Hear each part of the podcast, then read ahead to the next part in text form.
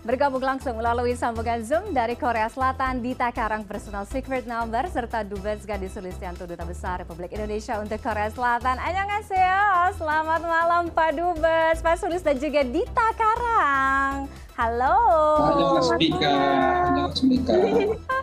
Senang sekali Selamat melihat malam. Dita dan Pak Dubes uh, di Korean Corner Connected malam hari ini. Dita fansnya udah banyak banget yang nungguin untuk tampil di CNN Indonesia pokoknya ya. Oke, okay. uh, eh, saya ke Dita dulu deh. Dita, pada saat kemarin Pak ya. Presiden uh, Jokowi datang ke Korea Selatan, kehadiran Dita mengenakan kebaya merah itu semakin mencuri perhatian. Gimana, uh, pernah menyangka nggak sih bisa bertemu langsung dengan Presiden? Apa yang Presiden sampaikan pada saat itu? Hmm. Uh, selama perjalanan uh, karir saya sebagai idol ini, uh, sebenarnya nggak pernah nyangka bisa dikasih kesempatan untuk ketemu sama beliau gitu tapi saya beruntung sekali dikasih kesempatan sama KBRI Seoul untuk menyambut kedatangan uh, Bapak Presiden dan juga Ibu Negara. Oh. Uh, tapi emang singkat sekali, uh, jadi cuma welcoming aja kan. Jadi mm -hmm. uh, walaupun singkat, tapi Ibu Negara memberi kita yang welcoming itu kita dikasih uh, kado satu-satu dan punya saya scarf. Wow, singkat Antik tapi scarf batik. Hmm, singkat tapi penuh makna. Iya. Saya ke iya. Pak Dubes. Pak Dubes, um, Dita sangat terkejut, ya kan terharu bisa mendapat kesempatan untuk bertemu dengan Presiden langsung. Um, apa yang membuat KBRI pada saat itu memilih Dita untuk uh, masuk dalam jajaran rombongan yang ikut menyambut kedatangan Presiden ke Korea? Ya, eh, saya mengenal Dita belum lama. Sejak saya datang kira-kira 8 bulan yang lalu, saya pernah mengundang Dita ke Wisma Indonesia. Saya bersama istri saya eh, eh, berkenalan dan makan bersama dengan Dita dan produsernya. Dan saya mendengar cerita Dita betapa Dita perjuangannya luar biasa ya saya memilih Dita untuk bertemu dengan Pak Jokowi karena tentu saja bukan karena cantiknya saja, mm-hmm. bukan karena luwesnya dalam menari, tetapi juga karena prestasi yang utama. Ya, bahwa perjuangan Dita bisa sampai mencapai hari ini sungguh luar biasa mengesankan buat saya. Iya. Sehingga saya putuskan pada saat Presiden datang, uh, dia orang yang tepat yang mungkin bisa kami tampilkan untuk diperkenalkan kepada Presiden Jokowi. Hmm. Walaupun waktu itu sebentar perjumpaannya, tetapi saya sudah menjelaskan kepada Pak Presiden siapa sebenarnya Dita, ya. Saya sudah mendapatkan skrip ya siapa itu Dita, latar belakangnya pada saat cerita uh, uh, kisahnya dan saya ceritakan kepada Presiden dan Ibu Negara, beliau terkesan sekali beliau terkesan dan uh, apa memuji prestasi anak bangsa Indonesia ini di Korea Selatan. Iya. Ya, banyak yang terkesan dan memuji uh, bagaimana perjuangan Dita Karang ya kan? Perempuan asal Indonesia yang bisa menembus industri K-pop sebagai seorang idol. Dita, boleh di-share ke kita diceritain bagaimana perjuangan Dita? Apakah pada saat um, mengikuti audisi uh, um, Secret Number itu adalah yang pertama? Atau sebenarnya mungkin sudah ke beberapa kali sampai akhirnya bisa debut di tahun 2020? Hmm, awalnya itu saya emang cinta saya kepada uh, perform uh, dunia performance itu emang luar biasa banget. Jadi saya kuliah juga di New York waktu itu saya ambilnya jurusan dance theater. Jadi uh, musical uh, dan selain-lainnya. Jadi waktu ada audisi, semua audisi yang berhubungan sama performance itu hmm. saya ikutin. Jadi nggak cuma nggak cuma Broadway, tapi semuanya musical dan juga saya karena suka K-pop ikut kelas-kelas dance K-pop kan. Mm-hmm. Nah di di studio situ banyak audisi-audisi yang dilaksanakan. Jadi aku ikut audisi setiap audisi yang ada pokoknya kalau waktunya mungkin kan aku ikutin. Dan mm, yang pertama sama sekali enggak. Ini udah beberapa kali dan aku gagal juga sama sekali. Wah. Oh iya. Tapi akhirnya, hmm, hmm ya lebih banyak gagalnya. Tapi akhirnya, um, akhirnya lolos dan aku masuk ke company ini dan aku training selama kurang lebih dua tahun, mm-hmm. di mana aku dapat kelas bahasa Korea, aku dapat kelas vokal, kelas, dance juga, dan akhirnya selama dua tahun setelah dua tahun aku training, aku bisa debut bersama Secret Number oh, di Mei okay. 2020. Belajar dari pengalaman, belajar dari banyak kegagalan itu yang akhirnya bisa membawa Dita ya di puncak keberhasilan seperti sekarang. Apa yang waktu itu uh, membawa uh, Dita begitu yakin dan mantap untuk pindah ke Korea? Karena ini kan pasti hal yang baru, punya harus beradaptasi dengan lingkungan baru, bahasa pun juga seperti itu. Um, yang saya pikirkan cuma modal mimpi saya sama uh, eh, self confidence aja sih. Jadi lebih ke oke okay, selama ini mm, masih masih ke arah tujuanku dan ke arah mimpi aku dan itu itu nggak impossible gitu why not gitu karena aku orangnya lebih ke go with the flow aja gitu kan jadi iya, iya. selagi masih masih dalam uh, tujuan mimpi aku aku ikutin aja terus pernah merasa kesulitan nggak pastinya sih pernah ya. Karena emang kan adaptasi dan segala macam emang butuh proses yang lama. Jadi walaupun saya dulunya emang suka per K-popan, jadi hmm. walaupun aku sudah tahu uh, dunia per K-popan, tapi ada di dalamnya sama ngelihat dari luar tuh emang beda banget gitu. Jadi sampai sekarang pun aku juga masih belajar kayak oh yang itu nggak apa-apa, oh yang itu nggak boleh kayak gitu-gitu oh, dan okay. juga satu lagi juga yang agak ini aku masih belajar terus. Itu adalah kalau jadi apa ya public figure gitu kan uh, dituntut untuk menjadi seperti ini untuk menjadi seperti ini gitu mungkin. Jadi uh, padahal saya ini juga manusia. Saya ini juga nggak sempurna gitu kan. Hmm. jadi uh, lebih ke gimana sih aku harus bisa menerima diriku sendiri gitu. Jadi be the best version of myself right now gitu.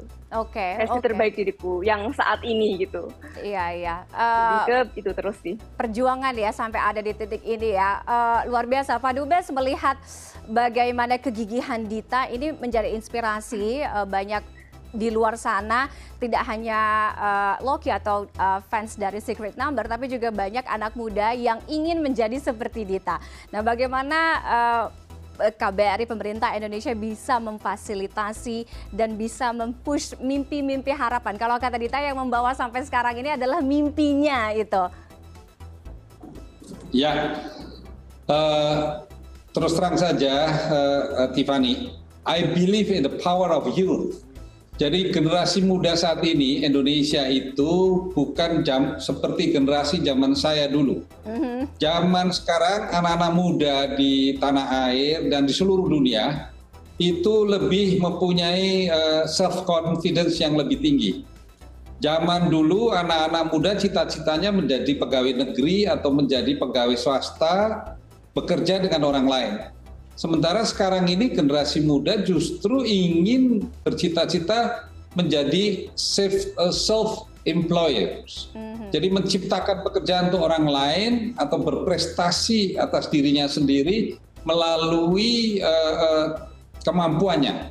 Nah, ini yang harus kita pupuk. Maka dari itu saya sejak uh, apa bertugas di Korea Selatan ini yang pertama saya lakukan Eh, karena saya percaya dengan tadi apa yang saya yakini, saya membentuk satu fungsi ekonomi kreatif dan digital dan percepatan startup di uh, kedutaan besar Republik Indonesia di Seoul ini. Hmm. Ini saya inisiasi uh, dengan minta izin kepada Menteri Luar Negeri pada waktu itu dan diberikan izin dengan fungsi yang tidak tidak biasa dilakukan di KBRI yang lain.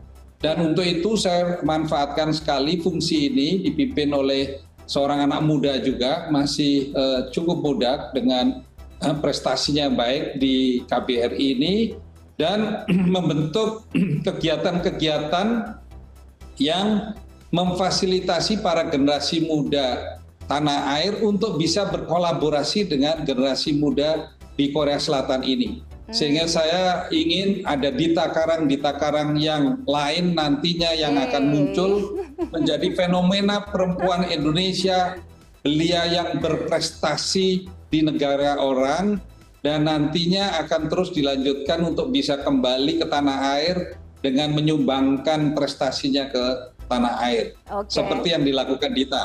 Ya, Dita akan segera pulang ke tanah air ini ya untuk show ya, tentu saja untuk bukan for good tapi untuk show bulan ini juga dan juga bulan November nanti.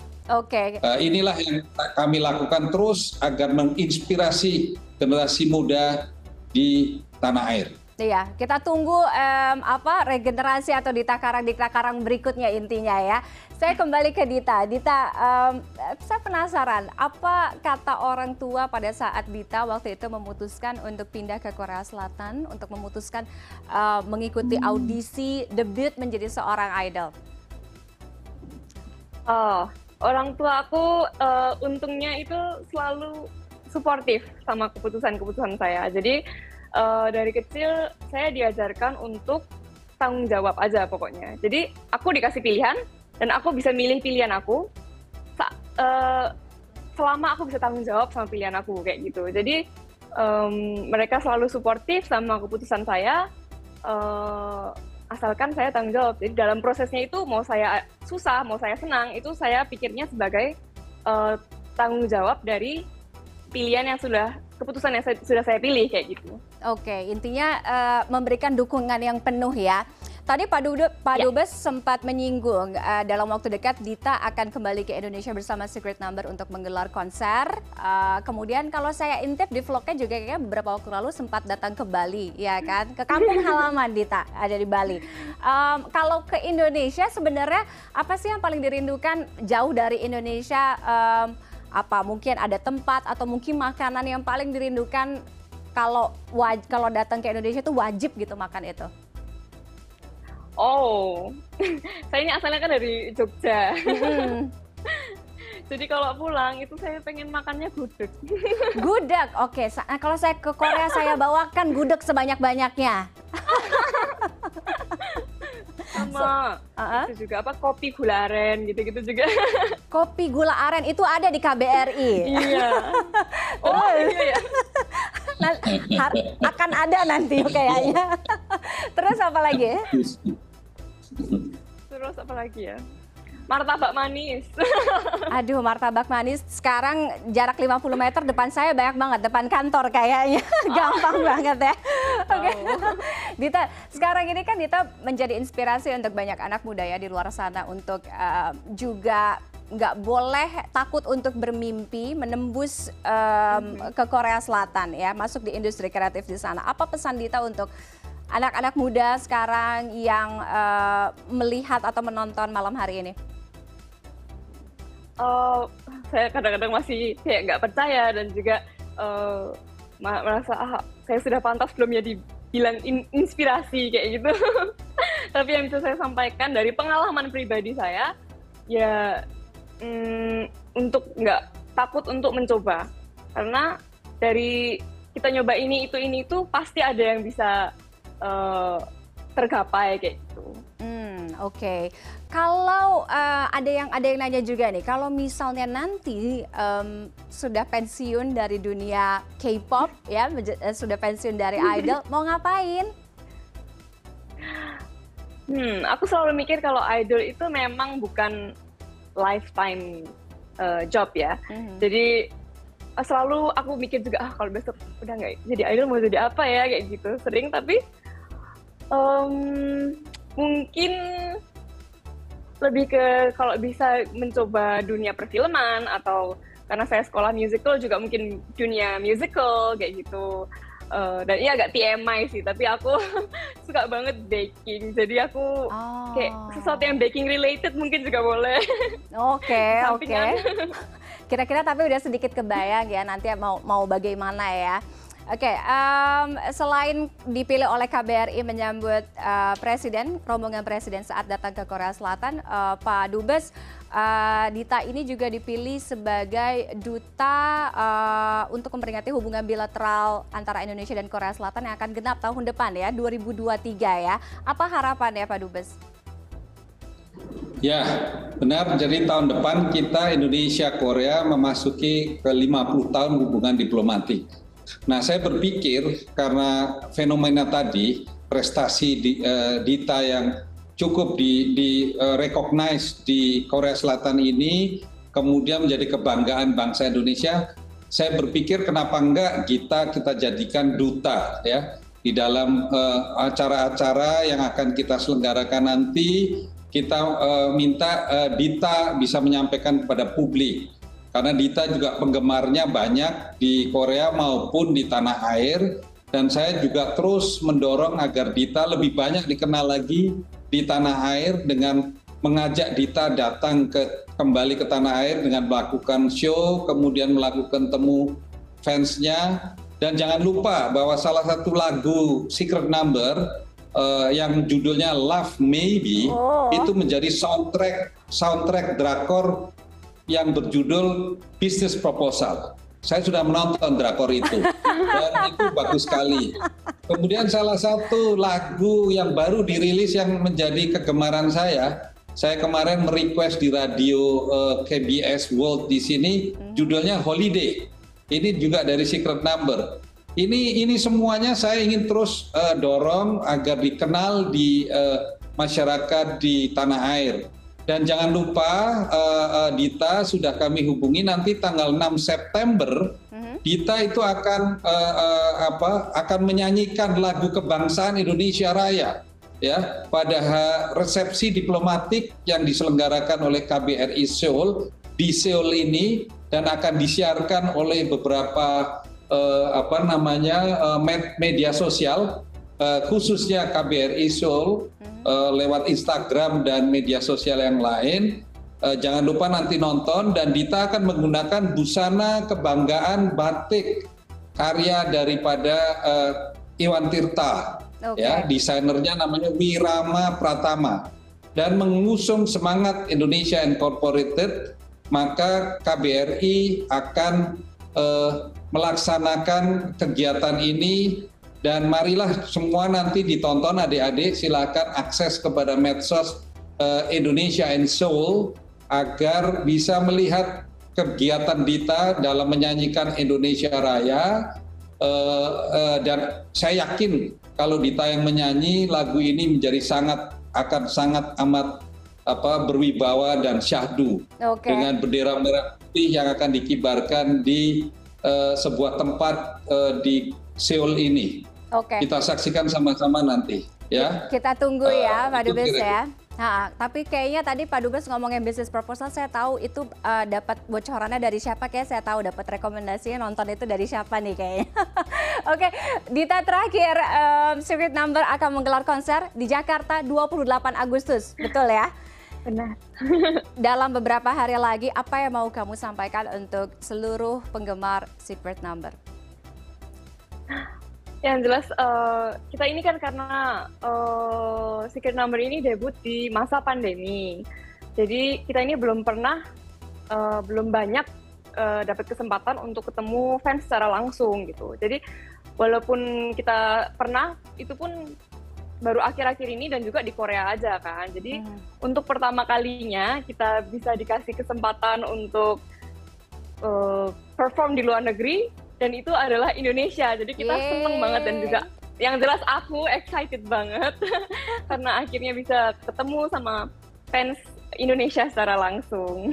Oke, ya. mudah-mudahan ya. lancar semuanya. Ya, kita tunggu um, penampilan Dita Karang bersama Secret Number di Jakarta uh, dan juga nanti sukses untuk tanggal 6 September yang akan menyanyikan lagu kebangsaan Indonesia Raya ya di um, Seoul, Korea Selatan.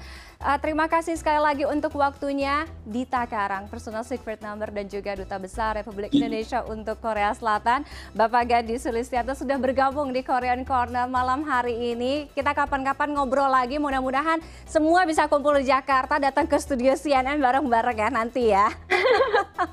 Oke, okay. uh, terima kasih. Okay, okay. Selamat malam Pak Dubes. Minggu depan, minggu depan Dita ada di Jakarta. Kita, kita lihat Dita di Jakarta minggu depan dan juga bulan bulan November diharapkan Dita akan kembali lagi. Jadi semakin banyak fansnya di ibu di Jakarta yang menikmati kepiawaian daripada Dita. Tanggal 6 November juga akan datang lagi kalau nggak salah. Pasti. Di Joyland Festival. Pasti. Ya. Kita tunggu pokoknya ya. Terima kasih Pak Dubes dan juga Dita. Selamat malam, sehat selalu sampai ketemu pokoknya. Terima kasih.